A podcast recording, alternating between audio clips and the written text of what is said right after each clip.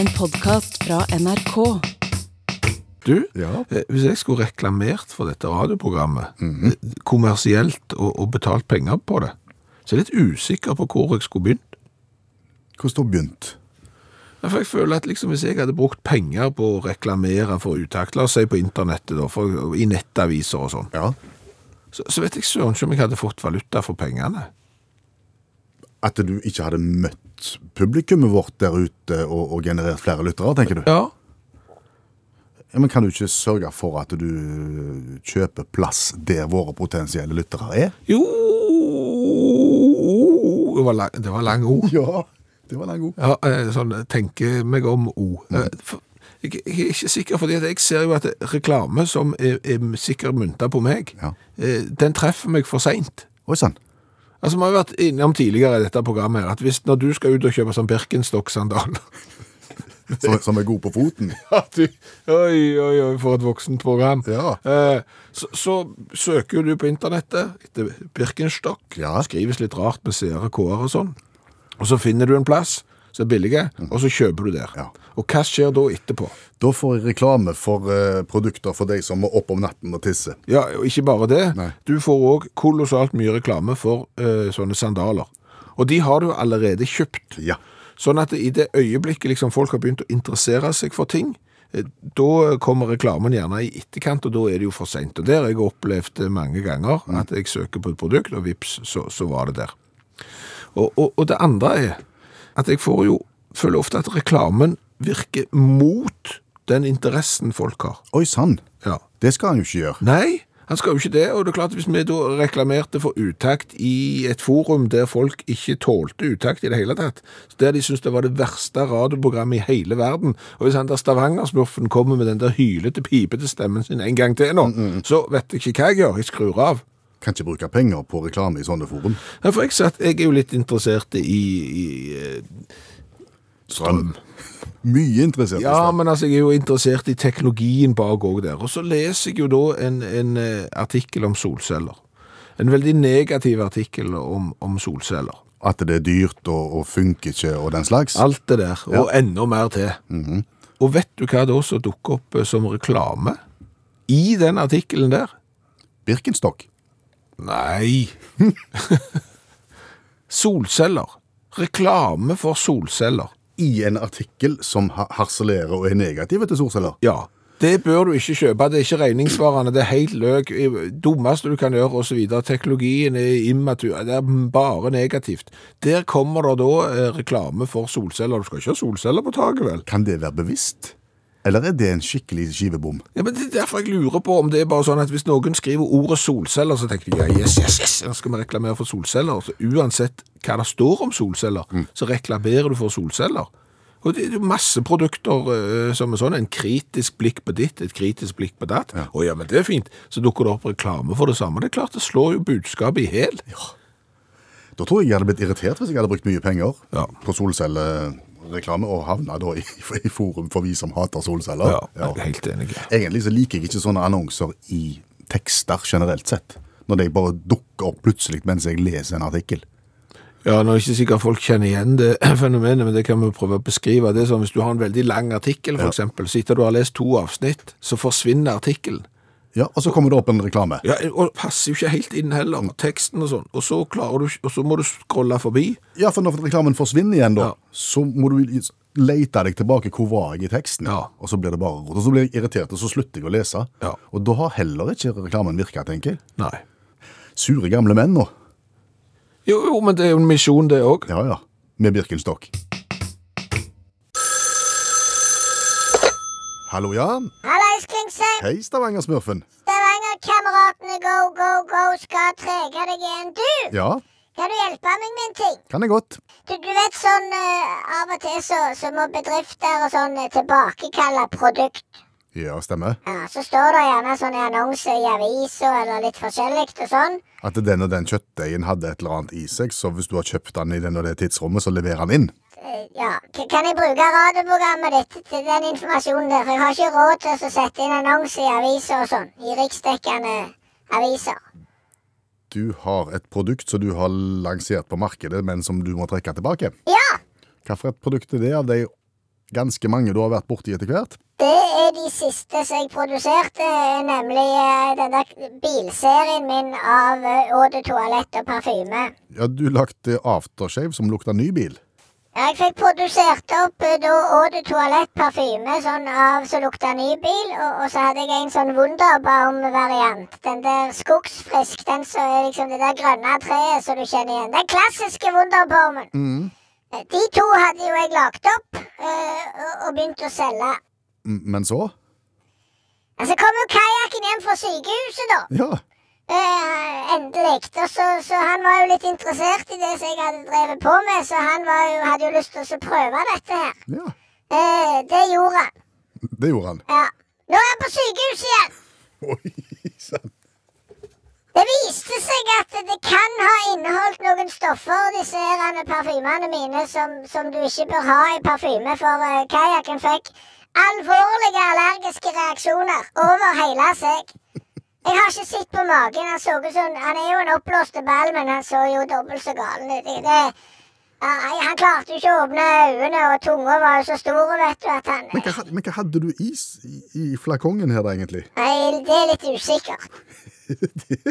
Ja, jeg kjøpte eh, ingrediensene på nett. Ja vel. Jeg er litt grann usikker. Så, så hvis du da har kjøpt dette, så uh, må du ikke bruke det.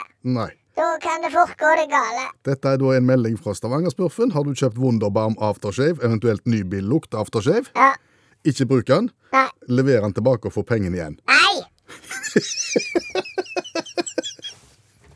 Ikke det! Bare ikke bruk den. Det var greit. Ja, det, det holder, det. Du! Det har jo vært sånn statsbudsjett de siste dagene. Har du fått med deg det? Ja ja. Ja. Er veldig mye fokus på det. Ja, det er det. Og så kommer det sånn, først er det sånn når noen er glad for at de fikk, og noen er sure for at de ikke fikk. og jeg, sånn, Folk blir aldri fornøyde med det der greiene der. Men, men det jeg tenkte, eh, som jeg vil foreslå da, det er også å eh, begynne med statsbudsjett. Statsbudsjett. Statsbudsjett? Statsbudsjett. Ja. Hva er, hva er forskjellen på et statsbudsjett og et statsbudsjett? Eh, Statsbudsjettet er en liten post i statsbudsjettet utelukkende øremerka til fest og basar. Ja. For det er så mye stusslig og trist eh, rundt oss nå, både med, med krig og strøm og, og, og alt i sammen. Og staten håver jo inn på milliarder fordi at vi i Kværnavik og alle andre plasser betaler for dyr og strøm. Og, og da kunne de f.eks. øremerke et par milliarder der til statsbudsjettet. ja. Og der tenker jeg at der kunne jeg ha uh, satt sammen en komité. Og så kunne jeg arrangert ting uh, i det ganske land, da, sånn at folk fikk, uh, fikk en god opplevelse. Hva ville du arrangert da? Det, det er jeg ikke i mål, Klingsheim. Kvinnesland heter jeg. Ja, Samme kan det være. Først må jeg få midler. Og hvis jeg får midler, så kan jeg love deg det. Det kommer til å bli haraball i, fra nord til sør Ja. i, denne, i dette nasjonen her. Med penger fra statsbudsjettet. Statsbudsjettet, ja. Ja. Egen post under statsbudsjettet. Lurt. Ja. Gidder du si det til de der eh, stortingspolitikerne som du sikkert har i studio fra tid til annen? Jeg kan nevne det. OK, Flott. snakkes! Ha det godt. Vi har jo vært innom eh, reklame i dette programmet så langt. Ja, Og, og eh, all reklame er jo som kjent god reklame. det har vi blitt fortalt. Ja, og, og du kan jo begynne å lure på, er det det?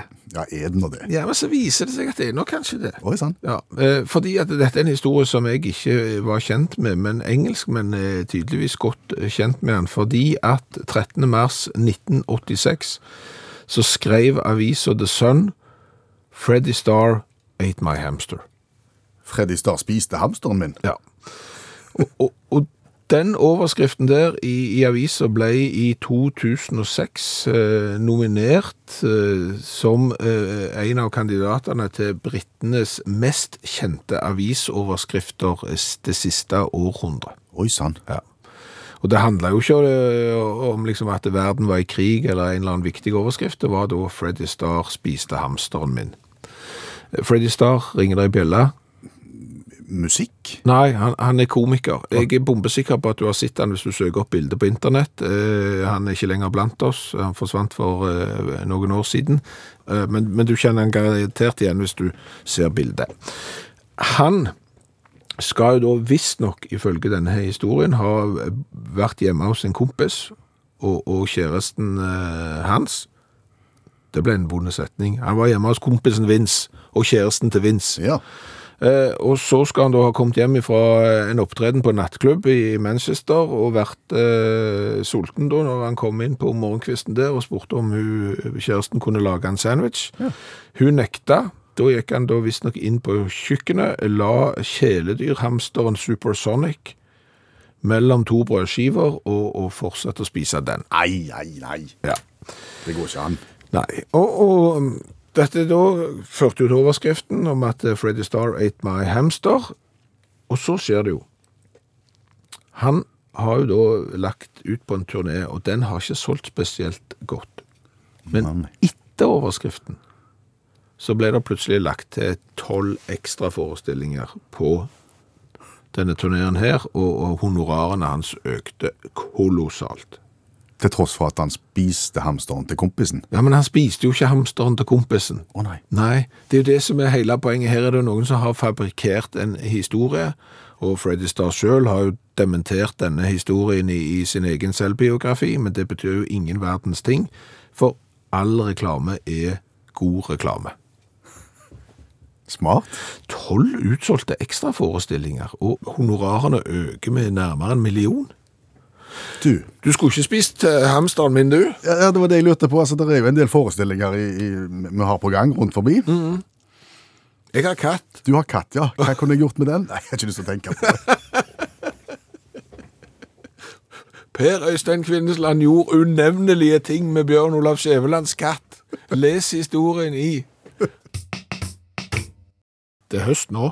Nå er det høst. Ja, for høst er jo da jakttid. Ja. Eh, og, og det er ingen av oss som jakter. Nei. Eh, men vi har jo fått med oss at det har vært bra hjortejakt. Ja, mye gjort. Ja, det var fort gjort. Det er så jeg, jeg, jeg, jeg unngikk den, jeg. Ok. Ja, jeg, jeg, har ikke sperrer på sånt. Nei. Det burde jeg hatt. Ja. dette, dette er ikke bra. Nei. Eh, Men det er så mye gjort at de som eh, da har fått mye gjort fort, som jo da er fort gjort, Ja. eh, de er lei av å stå og slakte. Så mye gjort har det vært. Det er rart med det. Altså, Allmennlærer med to vekttall i musikk, Olav Hove, du har jo på en måte opplevd dette her på kroppen. Ja, det skal jeg love deg. Og jeg har utrolig sympati med jegerne, det må jeg si. Eh, Jeg var nemlig på hytta mi her for et et par uker siden. Jeg er en stolt eier av 94 mål med jungel i Sogn og Fjordane. Ja. Og, og eh, tilfeldighetene førte da til at jeg plutselig satt der med en halv hjort. Som jeg måtte da legge i bagasjen, ikke i baksetet, men i bagasjerommet på vei hjem da. En hjort som du har fått, for, ikke som du har skutt sjøl. Ja, nei, nei, nei. Som, grunn, som grunneier så har du fått en halv hjort. Ja. Eh, Hva vei veier han delt da? nei, da er den sånn rundt 35 kilo. Ja, men Hva vei har de delt den sin halve? Har du to frambein, eller har du to bakbein? Nei, de er på langs. Har du én framfot og én bakfot? ja. Er det plass til det bak i en Volkswagen ID4? Nei. Da må jeg kappe den i to. Uh, og det måtte jeg gjøre da. Så jeg måtte da, jeg måtte da bruke sag. Den er ødelagt for øvrig. Ha sirkelsag, det har jeg ikke nå lenger. Men, uh, men uh, Det kan jeg fortelle deg. Du som hører på radio nå, du bør heller ikke sage frossen laks med sirkelsag. Det blir sp spøna, det blir spon. Ja. Ja, men iallfall hang jo han her i garasjen, da.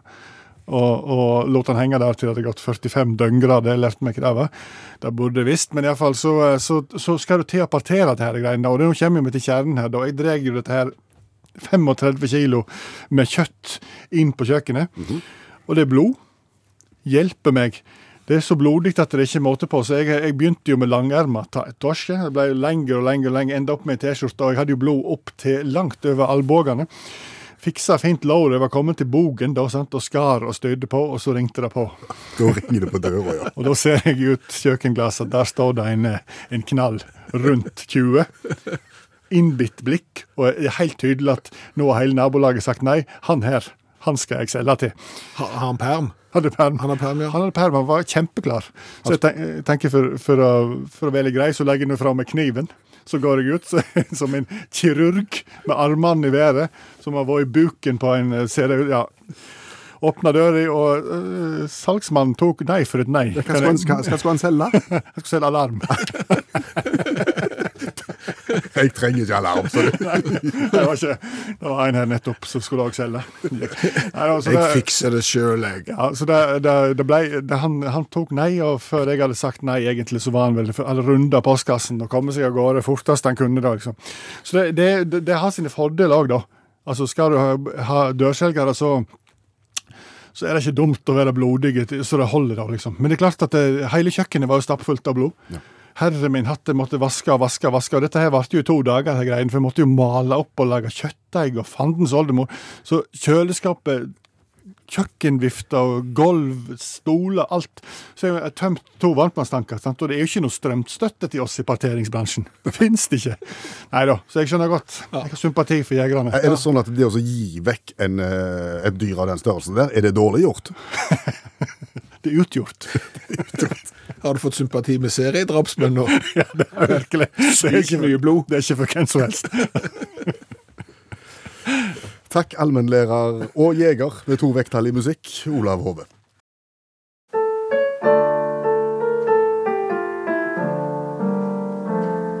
Utakt feier for egen dør. Ja vel. Dugnad i borettslaget. Nei, nei, nei. Dugnad det er jo eh, 1. mars og og 1. september, så det Nei da. Nei, Du bor her, du. skjønner jeg bor her. Ja, det er de, det er de dør. Ja, min dør, ja. ja det er, der går jeg inn, og der går jeg ut. Det er liksom på en måte inngangen til huset. Det er ei dør, du ser jo det. Du er jo ikke helt løk, er du det? Og det er her du står og feier. Det er akkurat ut forbi den døra der, ja. Den som er mi. Jeg, jeg, jeg står og, og feier. Det er det. Mm. Ja, du, du, feier ikke for naboen, f.eks.? Du har ikke vunnet noe lotteri, du, for å si det sånn. Du ser jo det at jeg står her med kost i hånda og feier. Og jeg har sagt at jeg bor der. Min dør, min kost, feier for min egen dør. Ja, jeg skjønner det, men jeg tenker hvis, hvis, det, hvis det var en eller annen som, som trengte hjelp til å få få litt Da sier jeg nei. Jeg feier kun ut forbi der som jeg bor. Altså, jeg feier for min egen dør og ingen andre sin. Er det så jæklig vanskelig å forstå? Det lukter ikke hvis jeg spør fint. Nei!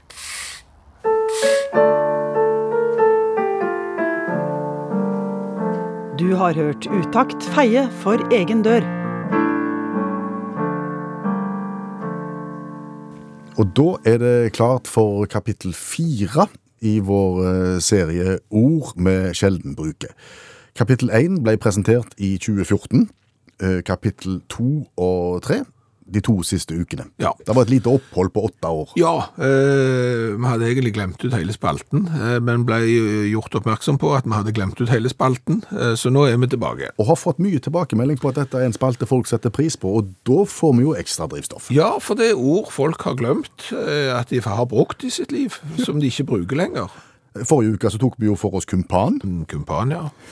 I, I dag eh, tenkte jeg vi skulle gå løs på bedrager. Bedrager. Ja. Du din bedrager. Nei. Alle synonymene til bedrager som vi ikke bruker lenger. Fordi at eh, du kan lese nå om folk som har svindla folk. En svindler, eh, folk som har bedrevet bedrageri. Det er det jo ganske mye av nå på internett og poster, og du er eh, nigerianske prinsesser så videre. Men synonymene som finnes der ute på bedrager, de er sjelden brukt. Der er taskenspiller, vel. Der kan du fort er- Det er jeg litt usikker på, for jeg tenkte mer på lurendreier, sjarlatan og humbugmaker. Ja. Som alle er synonym til eh, en bedrager. Alle er jo bedre, vil jeg si. Ja, men du har jo ikke åpna en nettavis og, og lest artikkelen om at de ble eh, triller og rundlurt av en sjarlatan fra Nigeria, eller eventuelt en eh, humbugmaker som sendte ut e-poster der han ga seg ut for å være posten. Tindersjarlatanen. Tindersjarlatanen. Det er lurendreieren fra. Men de er jo gode. Ja, det er det jeg sier. De er nesten bedre enn utgangspunktet. Ja. ja. Jeg er jo litt usikker. Jeg har jo ikke sjekket hvor eksempel eh, Jo, humbug vet vi jo hvor kommer fra. Ja, det er jo Dickens. Ja, fra Christmas eh, Carol. Bah. Humbug. Ja. ja. Så humbugmaker, eh, sjarlatan, usikker og, luren lurendreier òg. For så vidt ikke viktig hvor de eh, kommer fra, men de er såpass gode at de burde vi kanskje løfte opp igjen. Ja, ja, ja. Sammen med Tasken-spiller. Er Tasken-spiller det samme som Jeg bare føler, jeg er ikke sikker. Nei, nei. Vi lar den henge. OK.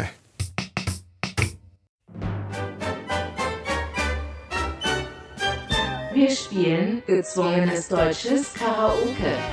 Jeg får alltid litt vondt i magen når jeg hører den vignetten.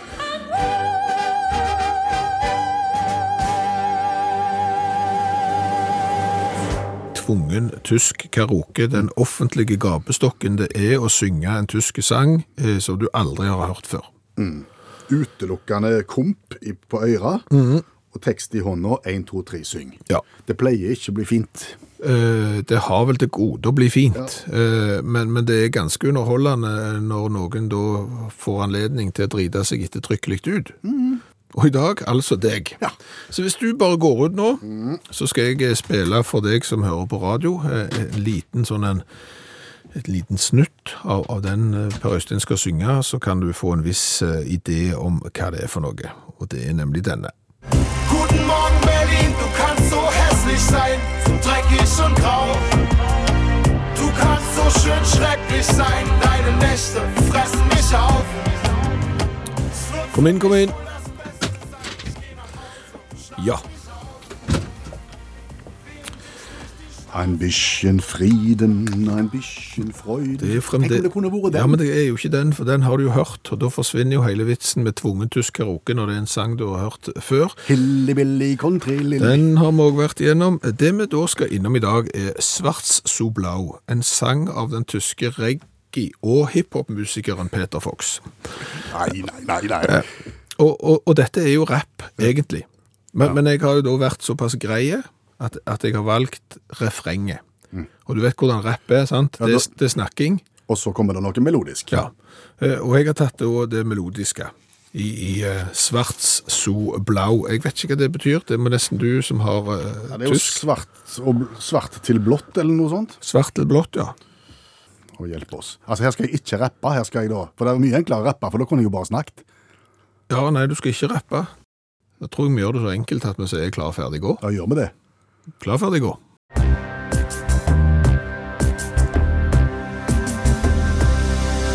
Guten Morgen Berlin, du hast so hässlich sein, so dreckig und grau. Du kannst so schön schrecklich sein, deine Nächte fressen mich auf. Es wird für mich wohl das Beste sein, ich geh nach Hause und schlaf mich aus. Und während ich durch die Straße laufen, wird langsam schwarz zu blau. Vet? Nei. Var det fint? Det er fint var det ikke. Nei, nei, men, men, men det er ikke så langt ifra originalen. Altså, du kommer litt skjevt ut fra hoppkanten, Ja. og så hører du at det, det er en takt som går til fire. Det er over. Det, det gidder ikke du bry deg om i starten. Jeg meg ikke med det. Nei. Å ja, så er det sånn rytmen er. Det bryr jeg meg ikke om. Men, men allikevel så, så er du inne på det, Det altså. er litt som at autopiloten slår inn plutselig. Ja. Eh, Skal du høre eh, hvordan det skulle ha vært? Gjerne. So hässlich sein, so dreckig und grau. Du kannst so schön schrecklich sein, deine Nächte fressen mich auf. Es wird für mich wohl das Beste sein, ich geh nach Hause und schlaf mich aus. Und während ich durch die Straßen laufe und langsam schwarz zu blau. Han, høres ut som han er sint og mener noe her, men jeg er litt usikker på hva han mener. Jeg tror han sier god morgen, Berlin, jeg tror ikke det er godt ment. Nei, for det høres ikke ut som sånn koselig sånn eh, God morgen Berlin, morgen-TV, frokost-TV, liksom. Ja, god morgen Berlin. Eh, Nei, han høres mye sintere ut enn det. Absolutt. Og hvem er det da som velger andre enn Peter Fox å kombinere reggae og hiphop? Det lurer jeg på, men det gjør altså han. Det er kun tyskere, og de møter du alltid i. Gezwungenes deutsches Karaoke.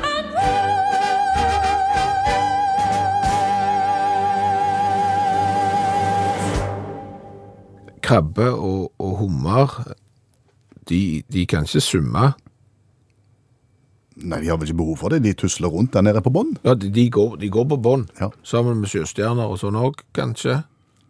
Mm, jeg er usikker på sjøstjernene. De beveger seg litt flytende òg, gjør de ikke det? Ok, Men vi, vi antar at hummer og krabbe liksom ikke, hvis de blir leie, bare tenker vet du hva, jeg summer opp til overflaten. Nei, det tror jeg ikke. Nei. Derfor, for jeg lurer på liksom om, om, om krabbe og, og hummer er Hvordan skal vi si det? Altså, er- havets fotfolk? Hva mener du med det? Nei, men altså, vi kan jo ikke fly. Nei. Altså, hvis vi skal fly, så må vi sette oss i en fygemaskin. Eh, Så vi, vi ser jo opp på himmelen, og så ser vi jo ting som kan fly. Mm, og så tenker vi å, så herlig det hadde vært å kunne fly. Ja, sånn har jo sikkert mennesket vært i eh, evigheter, og til slutt så kom de jo så langt at de klarte å lage seg en maskin som gjorde at de eh, klarte å fly, men vi kan jo fremdeles ikke fly. Nei. Og jeg lurer litt på om, om uh, krabbe og hummer eksempel har det litt på samme måten, at de kryper nedi der. I tang og tare og sandbånd og uh, graps og føler seg trua av en og annen uh, russisk kongekrabbe og sånn. Kikker de opp, så ser de fisk. Som på en måte flyr. Å ja. Og om de tenker i samme bane som oss, da, ja, og, og, og var jeg en fisk? Ja, og tenker liksom at Tenk det, der kunne, sånn, der kunne jeg òg vært. Så om det opp forbi havbunnen for eh, hummer og krabbe blir det som himmelen er for oss. Skjønner. Og at vi har liksom lyst til å utforske det der. og Vi ser oppe, opp, og så er det lyst liksom der oppe. Enda lenger der oppe. Enda lenger oppe, liksom. Og, og tenk hvis vi kommer oss over der igjen. Og det kan kanskje fiskerne ha. Litt det forholdet som fuglene har eh, hos oss. At det skulle ikke vært enda høyere. Se der oppe. Der er det et eller annet. Sånn at vannoverflaten, det blir liksom universet. Ja, det er jo da de vaker, fisken. Ja, men de kommer jo ikke videre. Nei, nei, kommer ikke spesielt mye lenger før det eventuelt kommer en fugl og tar dem, og da føler de kanskje akkurat i det øyeblikket der at dette er min måneferd. Mm. Helt til de finner ut at Fagerhaug ble bare spist av en fugl da. Da er det jo ikke så kjekt eh, lenger. Nei. Men at de lurer på det. Jeg vet ikke om eh, krabbe og, og hummer har på en måte hjernekapasitet til bruk for, for den type At de ikke Tenk- har intellektet som skal til. Nei. Jeg vet ikke helt om, om du har brukt mye tid på å tenke på dette her. Jeg har brukt overraskende mye tid på dette, og akkurat nå så kjenner jeg på at dette er ganske bortkastet tid, fordi det det er ikke sikkert at, at det var særdeles viktig. Nei. Men, men du ser at det er på en måte to parallelle univers her som inneholder de samme bestanddelene. Du har liksom en, en landjord, og det er bunnen av havet. Så har du en himmel, det er liksom selve havet. Og, og de har ikke fugler der nede, men de har fisk. Og så er det dette litt sånn, hva er der oppe? Hva er opp forbi? Det er en vakker tanke, Ja, jeg synes også det. Da er vi kommet fram til det punktet i programmet hvor vi går i kjøleskapet og finner iskald cola. Og i kveld kanskje den mest idealistiske colaen noensinne smakt på. Fra Fra eh, Tyskland, eh, kjøpt i Dresden av Håkon Lie. ja, Da vet vi at da er, det, da er det solidaritet i det. Ja, jeg trodde Håkon Lie var død. Nå blander du. Det er ikke den Håkon Lie. Nei. Eh, den vi skal smake på i dag heter Kolla. med dobbel L. K-O-L-L-A. Ah. Kolla. Og det er jo da eh, en ko cola som er økologisk i henhold til EUs økologiske forordning. Oi sann. Ja vel. Tappa da på en halvliterflaske med skrukork, lagd av et sikksakk-kollektiv. Det er ikke vanlig. Sikksakk-kollektiv, er det det? Nei, eh, og her sliter jo jeg litt, for jeg er ikke så god i tysk. Jeg hadde fransk på skolen, så dette har jeg oversatt fra internett. Eh, Sikksakk-kollektivet organiserer produksjon og distribusjon av brus og slag. Ja vel. Eh, I tillegg prøver vi å gjøre forretninger så ærlig og rettferdig som mulig. Ok. Da er, da er det et sånn et eh, type konsern. Det har vi vært borti før. Ja, der er nok poncho, eh, røkelse, Og en skvett myrra. Ja, det tror vi. Eh, Det betyr også at hva som er rett og hva som er galt, alltid er et tema for oss og diskuteres ofte og gjerne. Så i alle henseender er vi alltid på utkikk etter det rette i feil ting, og bruker drinkene som et medium for all slags gode, fargerike og meningsfulle ting. Der klarer jeg ikke helt å se for meg hvordan et sånt et møte er. Nei. Nei. Men, men de, jeg ser at de skriver videre her at de også er klar over at inntak av limonade ikke kan redde verden. Nei. Det har de skjønt. Det har de skjønt. Og det er nettopp derfor vi har bestemt oss for en holdning som går utover vår egen flaskekant og ser oss om eh, som en del av helheten. Her ser du det, det, oversettelsen går litt skeis, og du skal få siste setning òg. Denne holdningen er ikke til salgs. Ønsker å endres er trolig den viktigste ingrediensen i for våre dusjer. Dusjer, ja. Ja. ja. Men, men vi skjønner idealismen her. Ja. Og så er det et annet viktig element, nemlig etiketten. Dette er en halv liter gjennomsiktig klar glassflaske, som du kunne sikkert kjøpt sånn husholdningssaft på i gamle dager. Men så er det da en etikett på med bilde av et dovendyr. Malt i lilla på hvit bakgrunn. Og det de skriver her er at disse illustrasjonene som de da bruker på etikettene, er da lagd av kunstnere innad i Sikksakk-kollektivet. okay. Eh, ikke bare for å forskjønne liksom brusen, men de kan òg tilby dette her som et kunstuttrykk som du da kan kjøpe i en liten kunstbutikk på nett. Skjønner. Da er jeg spent på smaken, egentlig. Skal vi ikke bare komme i gang? Jo, og, og jeg kan se, siden dette er en helt klar glassflaske, at den er ikke så svart. Nei. Den er brunsvart. Men den har gått med kullsyre. Ja, absolutt. Den har klart turen fra tidligere Øst-Tyskland veldig bra.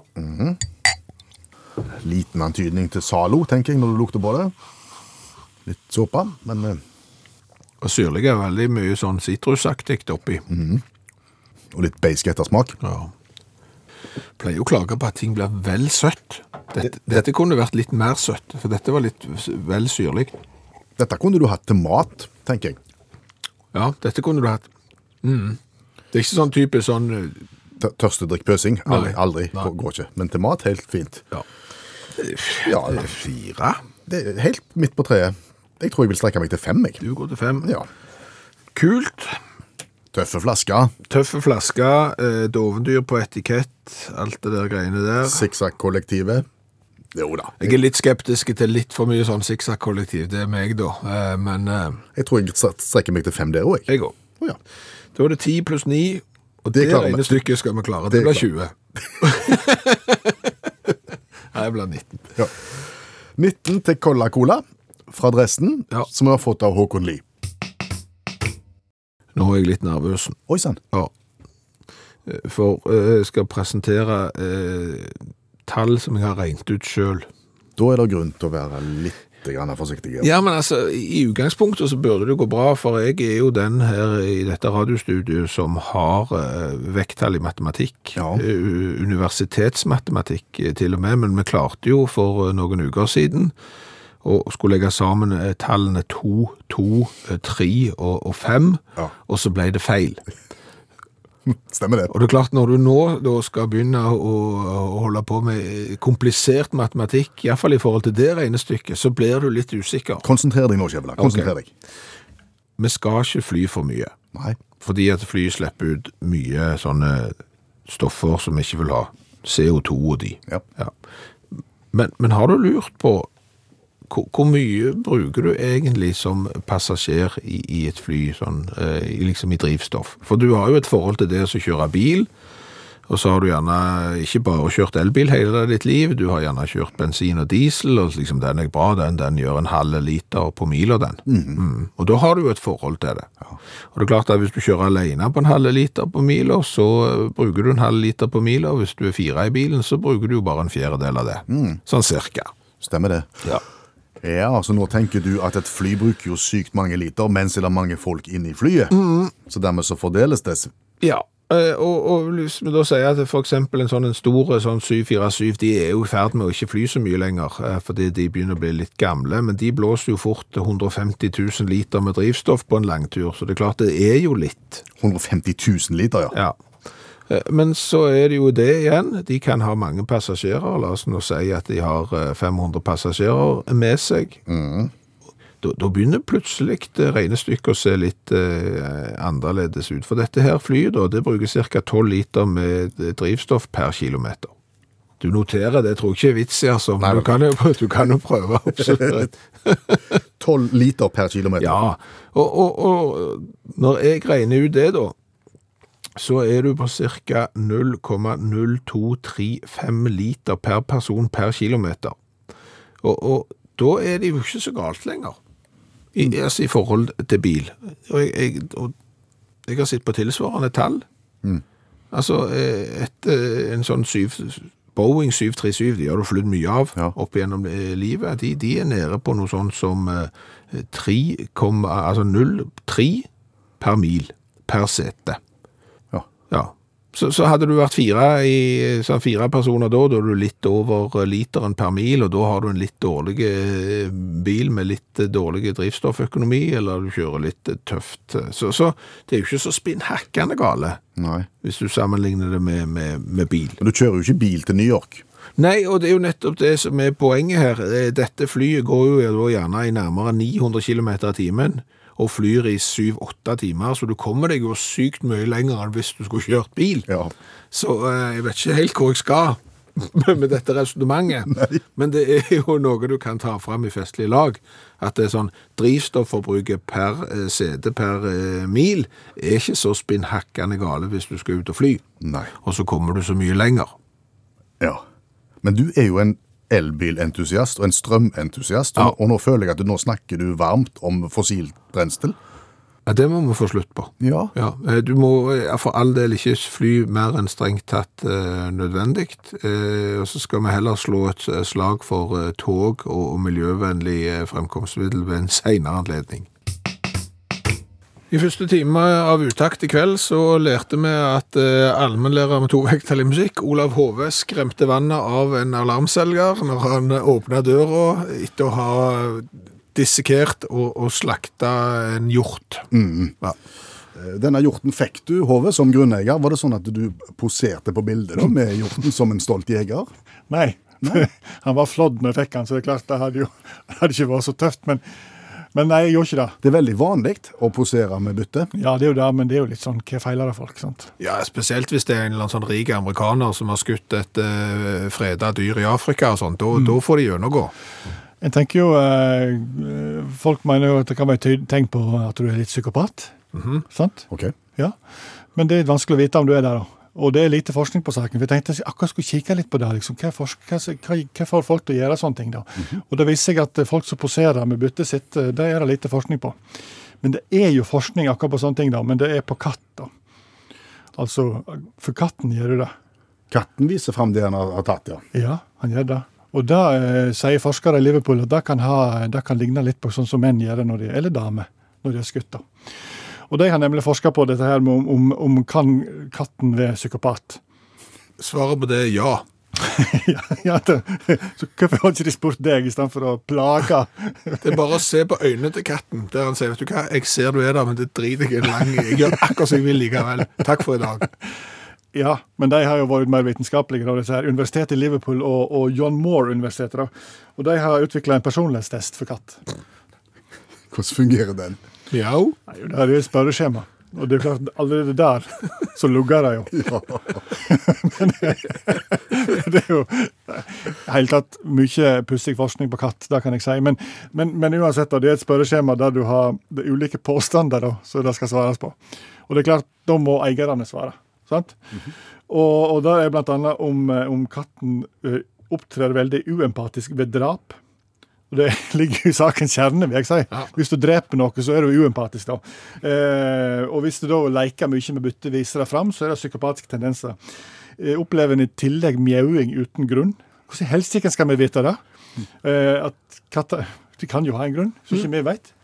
Og, og, og ikke minst viser han irrasjonell oppførsel. Det høres ikke ut som en katt, alt dette de beskriver. da. Det er ja, ja, ja og ja. Med andre ord, de er, de, er, de er psykopater. Men så er det dette greiene med at det er litt vanskelig når folk skal svare. sant? Da er spørsmålet hvor godt kommuniserer de egentlig med katter. da? Og da har Universitetet i Lund i Sverige de har blanda seg inn, og de har rota det ordentlig til. For de skal lage et forskningsprosjekt på kommunikasjon med katt, og så har de enda opp med Snakker katter dialekt? Fordi at de har oppdaga at katter snakker ulikt i forskjellige deler av Sverige. Men de er hun ikke sikre. Derfor skal de bruke fem forbanna år på å finne ut dette greiene. Har du skånske mjauing? Mjauet i hodet. Og det kan en ikke vente på. vet du. Sånn, Når en skal finne ut om katter er psykopater, egentlig, så kan en ikke vente på at svensker skal studere om kattene har, har, dialekt. Så da har de flytta det tilbake til Storbritannia. Der har en begynt å forske på hvordan eh, ulike typer katteeiere. da. Og de oppdaga at det er fem typer katteeiere. Er som har fri oppdragelse. Det er de som gir blaffen. Det er de som er tolerante. Det er de som er overbeskyttende. De som, de som er opptatt av katten sin sikkerhet. Og det er de som prøver å ansvarliggjøre katten. Lykke til med det når hun dreper mus. da. Det viser seg at eh, folk oppdrar katter akkurat som de oppdrar unger. Og det er klart at Hvis du syns det er greit at katten viser fram byttet ditt, så kan det hende du er psykopat hvis du da i tillegg moserer når du er på hjortejakt. Var det svar på spørsmålet? Det var et langt svar, iallfall. Det hadde iallfall sett løye ut hvis du eh, poserte med ei mus. På samme måten som katten din. Skal se hva jeg kan gjøre. Takk, allmennlærer med to vekttall i musikk, Olav Hove. Nå skal vi til noen som kanskje ikke var den skarpeste kniven i klassen. Mm, Nei, nettopp. Nei, det ble feil. Som kanskje ikke var den spisseste blyanten i pennalet. Den har jeg ikke hørt, men den fungerer. Nei, den eh, dikter jeg nå, eh, men det skal handle om eh, gråblyant og eh, antiruskampanje Å, fra 1900 og fra 1990. Gråblyant og antirus der, altså. Ja, eh, hvis vi ser for oss eh, en vanlig skoleblyant, eh, så er jo det en sånn en blyant som har en spiss med bly, Ja. Og så går du liksom nedover, nedover, nedover, nedover, nedover, så kommer du gjerne til enden, og så kan det eksempel være en liten eh, metalldings på enden der, Ja. og så et visk. Stemmer? Ja. Der har du en gråblyant. Og så kan det jo stå et navn på den gråblyanten. Altså fabrikanten? Ja. Ja, Og, eller så kan det stå et budskap. ok. Og i denne sammenhengen her så står det et budskap. Oh, ja. På engelsk. Too cool to do drugs. Ja, ok. Så, så skoleelevene skulle ha det på blyantene sine og se på det. Det ble da produsert opp blyanter som skulle være med i rusforebyggende arbeid, eh, og de delte da ut en hel haug med gråblyanter, der det står «Too cool to do drugs», altså jeg er for kule til at jeg driver på med narkotikum. ja. Funker jo for så vidt bra, Ja. helt til du begynner å spisse blyanten. ja, det var akkurat det jeg skulle spørre om, fordi at da forsvinner vel noen av bokstavene? Ja, og, og det som jo er viktig her, er at nå må dere ikke lukke øynene hvis du kjører bil, men, men eh, lukk øynene og så se for deg at det, du har spissen på blyanten til venstre, Ja. så har du visklæret til høyre, og så står teksten fra venstre mot høyre. Mm. Og så begynner du å spisse blyanten. Ja. Det første du da kommer til å spisse vekk, det er to. Ja. Og da står det ikke lenger too cool to do drugs, det står cool to do drugs. Ja, det ble ikke det samme. Så allerede ganske tidlig i denne gråblyantens levetid så har du gått fra en eh, anti-kampanje mot eh, narkotikum til en pro-kampanje. Da er det cool to do drugs, kjempekul. Og så kan du ta og spisse den enda mer. Da tar du vekk eh, og visker vekk ordet kul òg, og da er det bare do drugs. Driv med narkotika. Og så kan du eh, spisse den enda mer, og da er du til slutt bare på narkotika, drugs. Og Hvis du spisser enda mer, så er det ikke mer blyant. Nei, det er det jo for så vidt heller ikke. Eh, Så, så her er det jo på en måte noen som har hatt en god Altså, tanken var god, gjennomføringa sto til stryk. Og dette kunne du jo løst på en enkel, enkel og grei måte, hvis du bare hadde tenkt bitte litt ut forbi blyantspisseren. Hvordan da? Hvis du hadde skrevet teksten andre veien. Altså hvis du sier at det fra høyre mot venstre er ikke fra blyantspissen mot viskelæret, men fra viskelæret mot blyantspissen. Too cool to do drugs. Så begynner du å viske. Og da får du too cool to do. Altså da er du fremdeles for kule til å gjøre noe, og så er du kule to, og så til slutt så er du bare too cool. Og da har du liksom bare jeg er en kuling uansett. Ja. Ja. Jeg, akkurat når du sier dette her, så kommer jeg på en reklame fra Postsparebanken i sin tid. Eller Postbanken heter det vel kanskje. Og det er når du fikk sånn eh, postens sommerkassett og Ja, hadde pengene dine i Nei, altså det, det er nyere enn som så, for det var når det var TV-reklame i Norge. Ok. Men for de hadde, Husker du Postsparebankens røde bok? Ja, det var den du kunne bruke i Norden. Og, og Vest-Tyskland. Og i Vest-Tyskland, ja. Ja. Da kunne du ta ut penger når du var på ferie i, i Vest-Tyskland. Ja. Men det var i hvert fall da reklame Jeg mener det var en som hadde en rød brødboks. Som det sto brødboks på. Ja. Og så var jo reklamen da at du setter heller pengene i banken og ikke har det i brødboksen. Så sakte han vekk B-en i brødboksen, og så sakte han vekk S-en i brødboksen. Og hva sto der igjen da? Rødbok. Stemmer det. Som kan brukes i Norden og Vest-Tyskland. Hvorfor ødelegger du en full, velfungerende brødboks? Tosk. Eh, Pappa, pappa, jeg er redd det er noe i skapet. Er, det meg du henvender deg til? Nei, det, det er på en måte et lite rollespill. Å ja. Ja. Er, er det lille venn, sier kolon. Ja, altså, jeg kunne jo vært sønnen din, for eksempel. Har du hørt eh, at eh, ungene dine kommer inn litt sånn forskremte på, på nattestid og hevder at det er A, enten noe i skapet, B, noe under senga, eller noe i rommet? Ja. Ja. Da sier jeg nei, det er ikke det. Selvfølgelig, det- Det var sikkert bare vinden eller et eller annet du hørte. Det er ingen i skapet, og det er ingen under senga. Ja, og så eh, legger du deg eventuelt ned på alle fire, kikker under senga og sier, se her er ingenting, eller så åpner du skapdøra og så sier, her er det ingenting. Nei. Jeg bare lurer på, eh, de som eh, tror på det overnaturlige, som tror på spøkelser og, og sånn, hvordan trøster de ungene sine når de liksom har opplevd det samme? Det er noen i rommet. Ja, det er der. det er 100% korrekt det. Det er morfar. Han var en trave. Da skremmer du jo vekk den.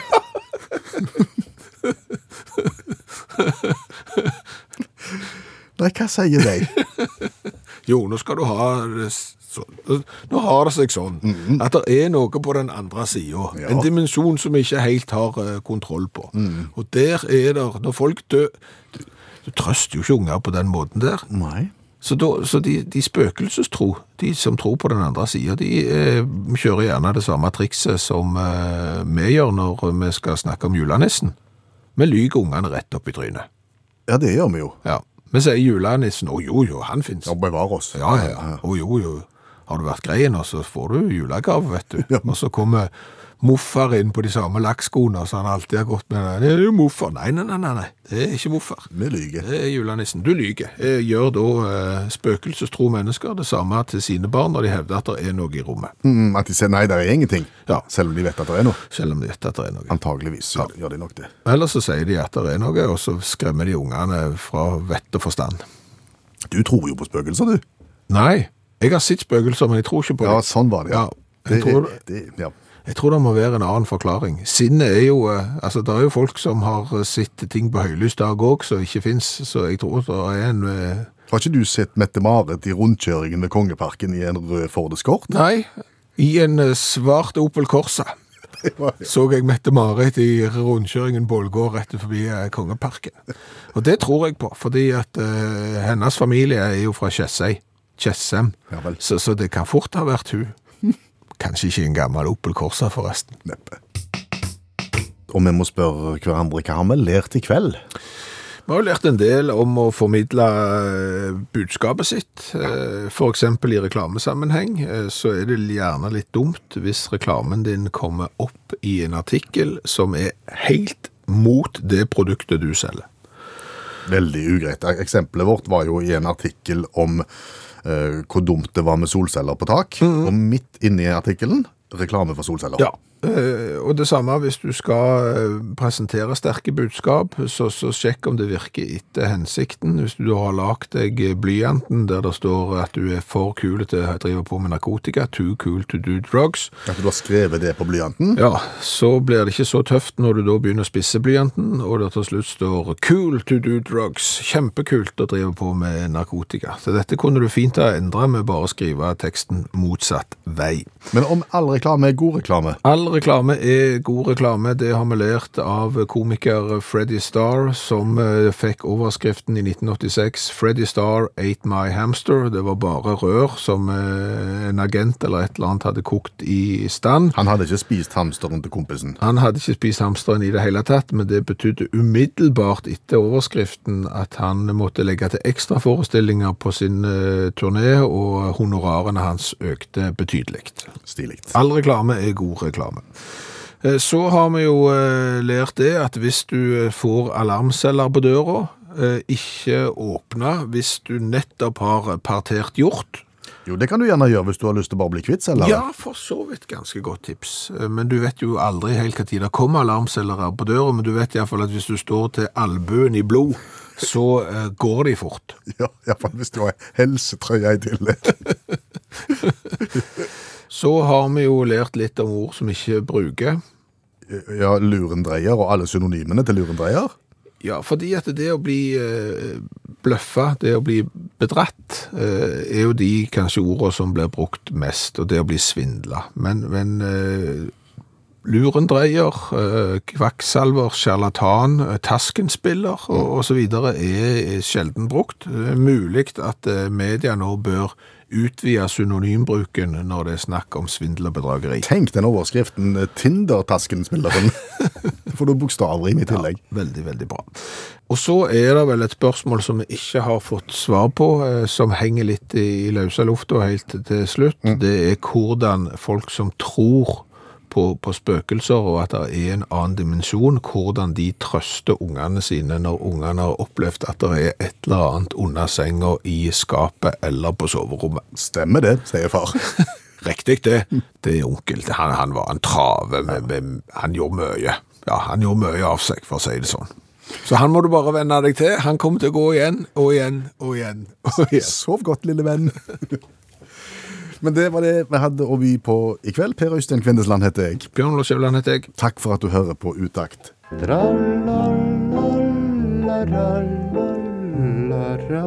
Jaha, det var ikke mer. Sett nå kaffekjelen over og slapp av, og kos deg litt. Takk for nå. Du har hørt en podkast fra NRK. De nyeste episodene hører du først i appen NRK Radio.